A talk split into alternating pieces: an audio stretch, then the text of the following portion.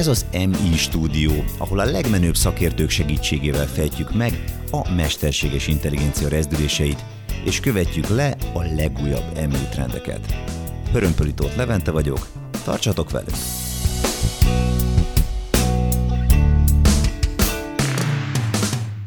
Körülbelül fél éve, hogy útjára indult podcastunk, az EMI Studio, és egy vendégadással együtt immár ez a 22. epizód, amelyet rögzítünk. Az első részben annak idején Szertics Gergő, az EMI Koalíció szakmai vezetője beszélt arról, hogy mit tartogat számunkra mesterséges intelligencia fronton a 2020-as év. Aztán ugye jött a vírus, és bizony alaposan felülírt minden tervet, de éppen ez adta az apropót, hogy Gergőt ismét mikrofon elé kérjük. Köszönjük szépen, hogy itt vagy velünk, Gergő. Én is köszönöm, sziasztok! Ugyebár a járvány kapcsán rengetegszer elhangzott, hogy most aztán semmi sem lesz úgy, ahogyan eddig.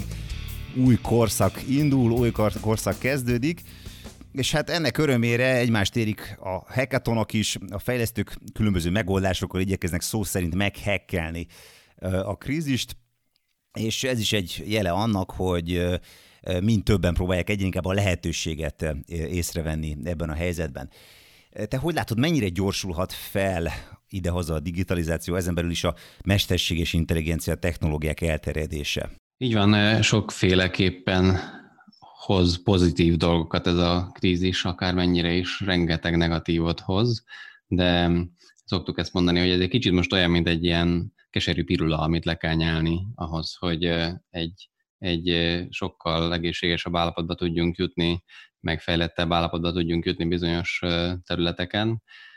Ennek vannak olyan részei, hogy magát a digitalizációt hogyan tudjuk arra használni, hogy hogy a, a krízis okozta problémákat kezeljük, tehát az egészségügyben, az államigazgatásban, a járványkezelésben e, rengeteg eszköz kezd el egyre jobban elterjedni, és hát van egy másik nagy hatása, aminek az a lényege, hogy, hogy egyszerűen minden, ami fizikai találkozást igényel, ugye az le lett csavarva, és minden, ami digitális működés, az meg fel lett csavarva, és ezért mindenkinek, aki eddig talán óckodott tőle, vagy aki nem látta pontosan, hogy hogyan akarja ezeket a technológiákat használni, annak most egy ilyen muszáj helyzet lett, ami egy fájdalmas tanulás talán sok helyen, de egy olyan elképesztő kompetencia teret hoz létre, ami szerintem ez az egyik legnagyobb hozzáadott értéke, hogy, hogy muszáj volt szembenézni azzal, hogy bizony ezek a lehetőségek már itt vannak, és most szerintem alapvetően fogja átalakítani azt, hogy mi mindent tudunk majd megoldani digitalizációval, mert ha két hónapig meg tudtuk oldani, akkor bizony lehet, hogy tovább is meg fogjuk tudni oldani. És mégis melyek lehetnek azok a területek, ahol a mesterséges intelligencia tartósan is képes lesz beépülni a mindennapokba, úgy tetszik a válság próba idejének a leteltével, és hát nyilván ennek van egy csomóféle vetülete, akár lakossági, üzleti vagy állami felhasználási területekre gondolunk. Uh-huh, így van, eh, rengeteg területen kezd el beépülni. Ugye, hogy azt már tudjuk, hogy a mesterséges intelligenciának mindenhol az alapja az adat, meg hogy digitalizált folyamatok legyenek, amelyekre aztán rá lehet ültetni ezeket a technológiákat. Az egyik legkézzelfoghatóbb terület, ami, ami sok helyen kezd beépülni, az a, az az ügyfélszolgálatoknak a, az online elválása, és hogy azoknak a, a chatbotoknak a beépülése, a nagyon gyors bevezetése, hogy a megnövekedett forgalmakat hogyan lehet kialakítani. Ugye a hétköznapokban ez a fajta, tehát kevésbé látszik, hogy ezt mesterséges intelligencia is segíti, de mondjuk amikor valaki rendel házhoz egy csomó mindent, akkor valakinek össze kell számolnia, hogy az a 200 ember, aki egyébként az adott cégben különböző helyekről, különböző helyekre kell, hogy vigyen dolgot, milyen sorrendben, honnan, mit szedjen össze, és aztán hol rakja le milyen sorrendben ahhoz, hogy a legkevesebbet kelljen futniuk feleslegesen oda-vissza. Tehát, hogy egy csomó, ez, ilyen, ez a kétszintűség, hogy megjelenik az, hogy digitális rendelések, és aztán megjelenik rajta az, hogy, hogy ebben hogyan tudnak technológiák segíteni, hogy ezt jól menedzseljük.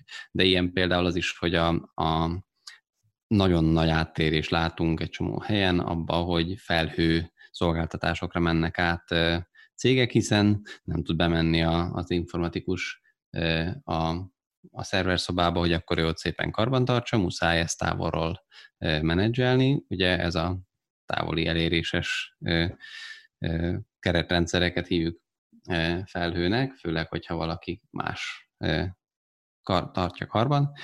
És ezeknek a karbantartásánál is rengeteg területen használjuk a, majd a mesterséges intelligenciát, hogy hogyan lehet a legoptimálisabban működtetni, karbantartani. De a, de a hétköznapi ilyen lakossági felhasználásoknál szerintem most már biztos vagyok benne, hogy minden nagymama e, tudja, hogy hogyan kell nyuszifüles e, kis fejecskét rajzoltatni saját maga köré, hogy szórakoztassa az unokáját, mert, mert ezt az online térben ezt már meg lehet tenni. Sen, tehát nagyon sokszor, ugye ezt már nagyon régóta mondjuk, hogy a mesterséges intelligencia olyan lesz, mint az áram, hogy nem azt vesszük észre, hogyha használjuk, hanem azt, hogyha azokat az eszközöket használjuk, és nem áramot használok, amikor megmenekítem a kajámat a mikróba, de végül is az áram segítségével válik lehetővé. És egy csomó ilyen lesz, ahol, ahol a, a, az online eszközök használnak az én kényelmem érdekében mesterséges intelligenciát, bár én nem feltétlenül kell, hogy erről tudjak. E, és rengeteget beszélünk hogy itt a Mesterséges Intelligencia Koalíció berkeiben arról, hogy, hogy valóban mennyire fontos, hogy elterjedjenek ezek a bizonyos technológiák méghozzá széles körben, és a, a, a társadalom és a gazdaság minden rétegében és szintjén. Számokban kifejezve el tudjuk nagyjából így mondani, és tudjuk érzékeltetni, hogy, hogy miért is fontos ez a, ez a bizonyos EMI adoptáció? Igen, ugye a, a PVC csinált egy nagy kutatást arról, hogy megpróbálja megbecsülni, hogy mennyi hozzáadott értéket ad a mesterséges intelligencia a gazdasághoz mondjuk egy tíz éves távlatban, és abból az volt az egyik fontos mondás, hogy átlagosan 14%-ot tud hozzáadni a GDP-hez a mához képest a 2030-ra a mesterséges intelligencia, de azt is találták, hogy különböző területeken különböző mértékű mesterséges intelligencia felhasználások várhatóak, tehát például Kínában ez a szám 26 százalék, Latin Amerikában meg ez a szám 6 százalék. Szóval, hogy számokban kifejezve az, az egy nagyon fontos tétel, hogy ha 14 százalékos növekedést hozunk, akkor az magyar GDP-re lefordítva 7, 7600 milliárd forintot jelent 2030-ban, hogy annyival több pénzt tudunk összeszedni az ország egész bevételével. Hogyha ez 6 százalék, akkor az 3000 milliárd, hogyha meg 26 százalék, akkor meg 14 ezer milliárd. De egyáltalán mindegy, hogy hogy sikerül felvenni a ritmust. Így van, és ugye ez másik oldalról is igaz, hogy nem csak az van, hogy ha ha ügyesek vagyunk, akkor ezt mind megkapjuk, hanem az is van, hogy ha nem vagyunk ügyesek, akkor az a számolás, hogy nagyon sok ember munkáját fogja érinteni a mesterséges intelligencia, nem csak az, hogy most őt kiváltja, vagy nem, hanem az, hogy olyan dolgokat is fog tenni, vagy olyan dolgokat is kell majd vinnie, amelyeket addig nem. Tehát meg kell tanulni új eszközöket, vagy új feladatokat kell tudnia megvalósítani.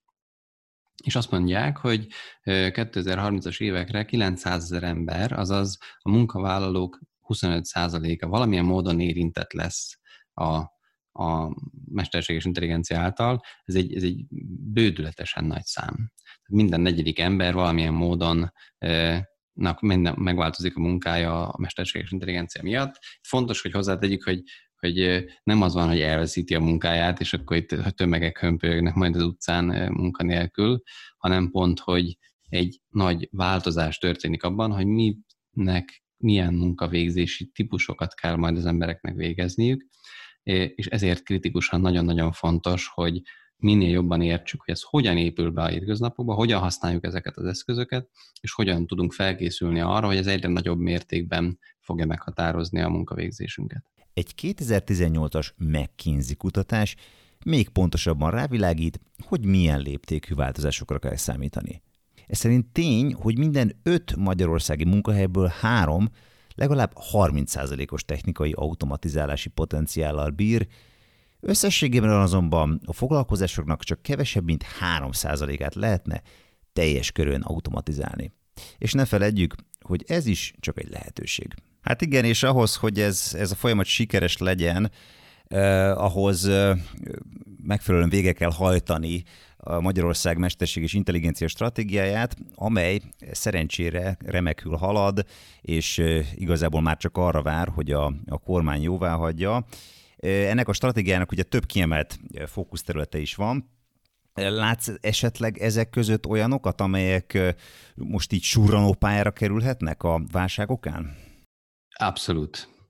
Több ilyen is felmerült itt a, a válság kapcsán. Ugye a stratégia nagyban épít arra, hogy a, az adat vagyonnal hogyan lehet gazdálkodni, és hát ebben ez a válsághelyzet, ez kiemelten komoly feladatokat hozott, hiszen egy csomó olyan új dolgot szeretnénk tudni monitorozni, amelyeket eddig nem, és egy csomó új feladatunk van a gazdaság beindításával, amely mind az adatgazdaságra, vagy egy nagyon nagy része az adatgazdaságra fog épülni. Emellett ugye a, a külön fontos kérdés lett, bár ugye nem ez van a a zászlóra tűzve, de hát most minden a digitális térben zajlik, és rengeteg olyan platformon, amelyek ö, gyűjtik rólunk az adatokat, de mi nagyon kevéssé tudjuk ezt kontrollálni, hogy ez mire van használva, és emiatt ö, az adattárca koncepció is, hogy az egyének, egyéneket helyzetbe hozzuk, hogy ők tudják ö, kontrollálni, hogy milyen adatokkal mi történik, ö, miután valaki felvette ezeket. Ezek is egy nagyon nagy területet jelentenek, és hát ugye a, a harmadik kiemelt terület az biztosan a, a nyelvfeldolgozás és a, az ügyfelszolgálati folyamatoknak a, a kezelése, ahol most lehetőség van arra, hogy, hogy egy, egy gyorsító pályára kerüljön az, hogy hogyan lehet mindent össze, tehát hogy mindenhol, ahol nyelvet kell használni, ott, ott automatizálni különböző feladatokat, amelyek nagy munkaterhelést jelentenek. Tehát ezek azok, amik ilyen hosszú távon a, az ilyen fő áramba beépülhetnek, és hát nyilván az egyáltalán nem kérdés, hogy az egészségügyet, meg az oktatást elképesztő mértékben fogja befolyásolni ez az egész helyzet, mert hogy olyan új technológiákat kell kipróbálni nyomás hatására, amelyek mondjuk tudnak segíteni beazonosítani, hogy kik azok, akik magas kockázatú beteg nek számítanak, hogy rájuk kiemelt figyelmet kell fordítani, mert olyan komplikációik lehetnek, olyan együttjárásaik lehetnek más betegségekkel.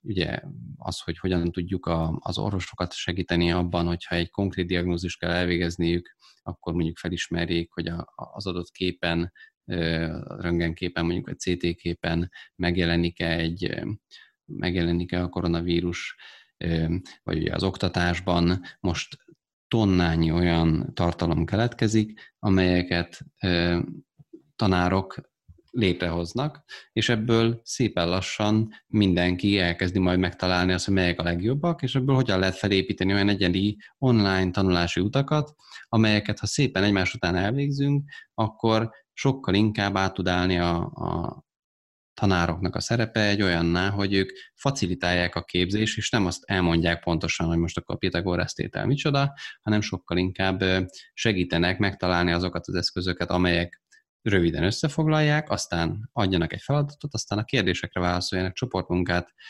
facilitáljanak, összehangolják azt, hogy hogy ki, hogy milyen tempóban tud haladni, ki hol van elakadva, tehát ami igazán az oktatásnak a lényege lenne, nem, nem az, hogy most mm. így hmm. kinek ugye muszáj elmondani egy adott részt egy, egy, egy tartalomból, hogy akkor azt el lehessen várni, hogy ezt feldolgozzuk. Rengeteg ilyen tanár sztorit hallok, akik olyan kreatív dolgokat találnak ki az online térben, mindent lehet csinálni, hogy, hogy bevonják a diákokat, hogy folyamatosan feladatokat adjanak, és ezek ugye mind egy digitális lábnyomuk marad, ez, ez, ez, ez egy, egy folyamatosan bővülő kincsé válik. Itt most senki nem menjen sehova, ez itt ugyanis a legfrissebb mesterséges intelligencia hírek helye, és utána jövünk is vissza, hogy megnézzük, milyen szinten képes felturbózni az emmi az egyes gazdaságokat, illetve arra is tippeket adunk, hogy mivel üsse el az időt, aki nagyon unatkozik a karanténban, és mindenáron mesterséges intelligenciában gondolkozna.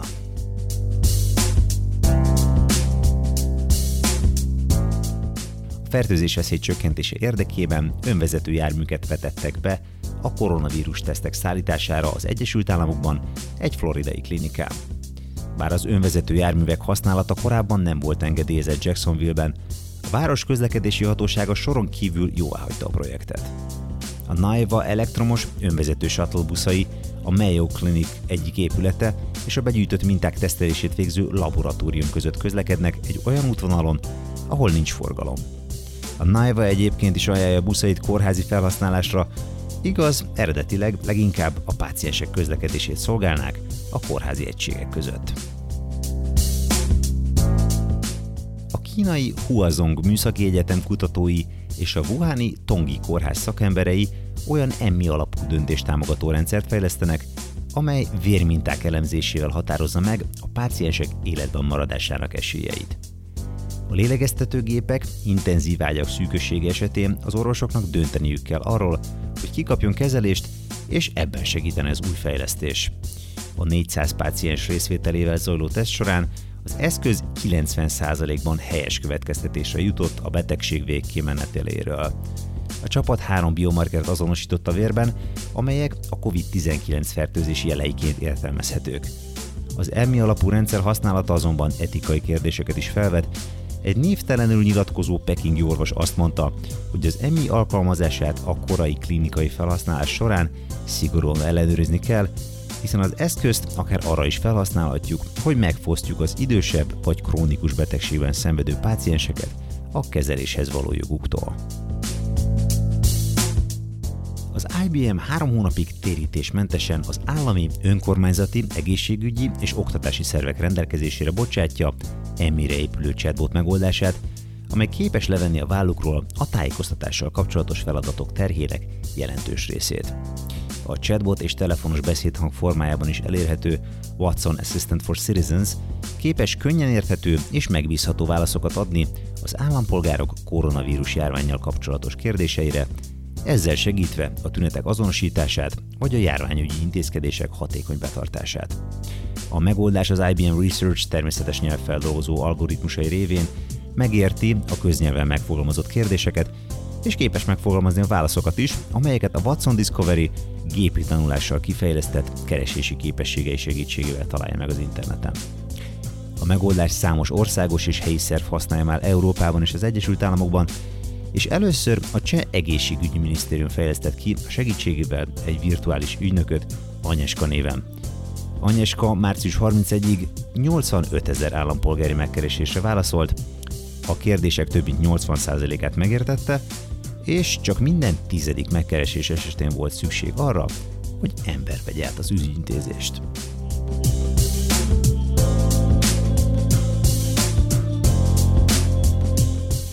És itt most már egy kicsit följebb léptünk egy szintet, kicsit fejebbről szemléljük az eseményeket, úgyhogy akkor tágítsuk még egy picikét itt a, a fókuszt, és ö, ö, menjünk át arra a szintre, hogy vizsgáljuk meg, hogy ugye a, a mesterséges intelligenciának van egy nagyon komoly felforgató jellege, és hát ez bizony alkalmas arra, hogy viszonylag fejletlenebb társadalmakat is ugye felemeljen, és mint egy segítsen átugrani akár korszakos lemaradásokat is. Csak gondoljunk arra, hogy Nigéria gyakorlatilag a, a készpénzből megy át a kriptóba, vagy Indonéziában ugye a mobil fizetés forradalmasítja mindennapokat, és hát ott a, a, ez a, a területi szép, szép szétszabdaltság miatt rendkívül fontos.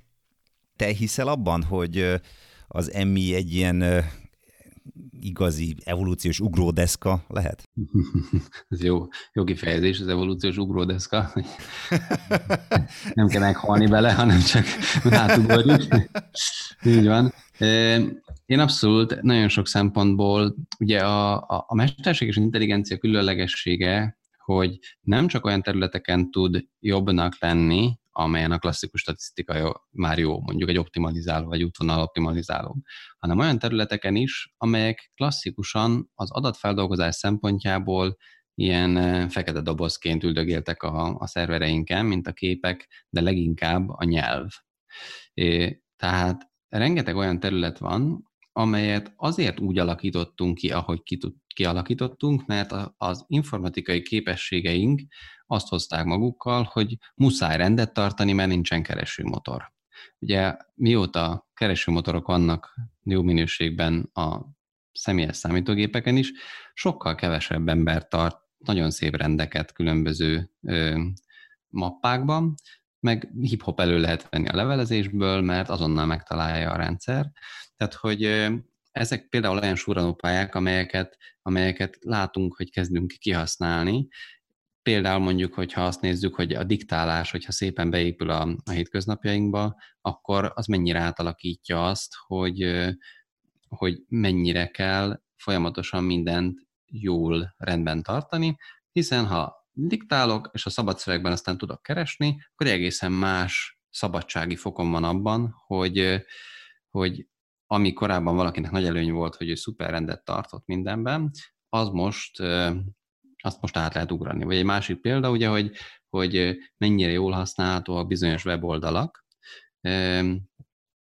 Nagyon sokan nagyon sok energiát tesznek abba, hogy jó minőségben használható weboldalt hozzunk létre, miközben azért szépen átsorog az egész online kapcsolattartás, legyen az állami, legyen az céges, egy csomó helyzetben chatbotokra. A chatbotoknak meg hmm. ugye mindegy igazából, hogy ő most milyen weboldal struktúrában túrja ki nekem azt az információt, amit én szeretnék, mert megkérdezem tőle, hogy nekem az a bajom, hogy hol lehet elintézni a, a jogsikérelmemet, és nekem nem kell kitalálni, hogy akkor melyik bugyrában van a, a weboldalnak az, hogy az, az hol van leírva, és hogy ahhoz milyen ö, dokumentumokat kell oda vinnem, hanem mivel értelmezni tudja ezt a, ezt a kérdést, ezért ö, ki tudja nekem hozni ezt a lehetőséget. És ez igaz vállalatban is, igaz, igaz állami szektorban is.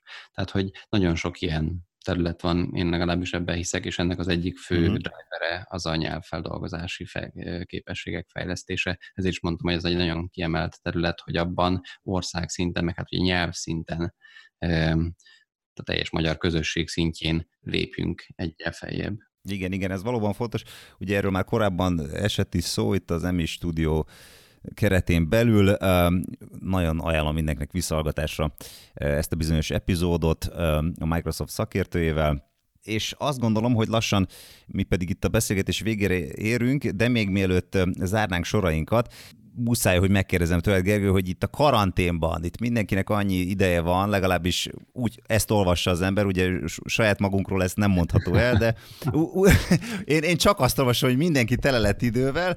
Na most, hogyha ennyi időmillió... De te most... találkoztál még azzal, aki én, tényleg én, van, ugye? Emberre nem találkoztam a környezetemben, de, de annyit olvasok róluk, hogy, hogy el kell, hogy higgyem, hogy ezek az emberek léteznek, méghozzá tömegesen.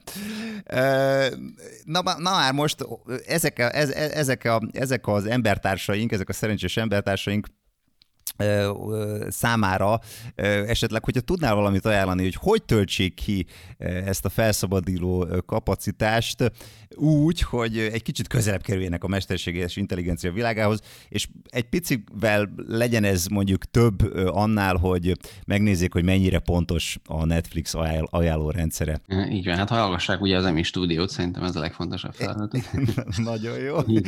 De ugye sok mással is készülünk. Jelenleg is dolgozunk azon, hogy hogyan tudunk egy olyan ö, tartalomrendszert ö, a magyaroknak ö, összeállítani, amelynek a segítségével képezhetik magukat a mesterséges intelligencia területén, és itt tudjuk, hogy a mester, tehát hogy a képzés ma nem arról szól, hogy valaki fegyvert tart a fejemhez, és akkor én majd nekiülök és valamit tanulok, hanem hogy hogyan tudom azt érdekessé tenni, meg hogyan tudjuk azt számunkra tehát megtaláljuk azt, hogy engem milyen szempontból érdekel ez. Emiatt keressük azt, hogy hogyan lehet azt felépíteni, hogy legyen egy ismerkedős, egy részletesen megértős, meg egy szakmát választós területe annak, amiben tartalmakat tudunk adni a, a, az egész országnak. Ehhez építjük a, a weboldalt, és ez, ha minden igaz, akkor május vége, június elejére elkészül, és fogjuk tudni ezt összerendezni. Ennek egy fontos eleme lesz, hogy a Finn Elements of AI, azaz a Mesterséges Intelligencia építőkövei című kurzusnak a magyar verziója is elérhetővé válik júniusra, hála a finnek és a magyar kollégák együttműködésének, és ezt szeretnénk mindenkinek a figyelmébe ajánlani, hogy minél több olyan általános információt gyűjtsenek, amelyek segítik őket abban, hogy ami az ő személyes munkakörükre is vonatkozóan várható, hogy valamilyen módon befolyásolni fogja a mesterséges intelligencia, arra minél jobban legyenek felkészülve. Nagyszerű, hát azt gondolom, hogy az AI Hungary weboldalról, illetve az Elements of AI kurzusról, valamint a, az e köré szerveződő AI Challenge-ről még rengeteg szó fog esni, itt az EMI stúdión belül is, és annak alapján, amiket elmondták, biztosak lehetünk benne, hogy a válság valóban nem fog elmúlni nyomok nélkül, ami a digitális transformációt illeti, de az is egyértelmű, hogy sokat kell tennünk mi magunknak is azért, hogy a legtöbbet hozzuk ki ebből a helyzetből. Nagyon szépen köszönjük, hogy velünk voltál, Gergő. Én köszönöm a lehetőséget. Hallgatóinktól pedig búcsúzunk, kövessétek a podcastot, és osszátok tartalmainkat a közösségi portálokon. Találkozunk legközelebb.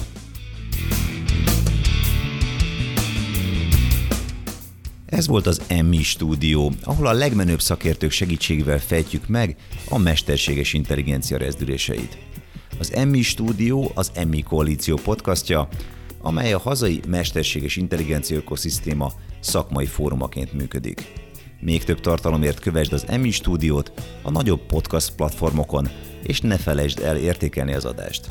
Az észrevételeket, megjegyzéseket az Emmy Koalíció kukac gmail.com e-mail címre, vagy a Mesterséges Intelligencia Koalíció közösségi média felületein várjuk. Találkozunk a következő epizódban.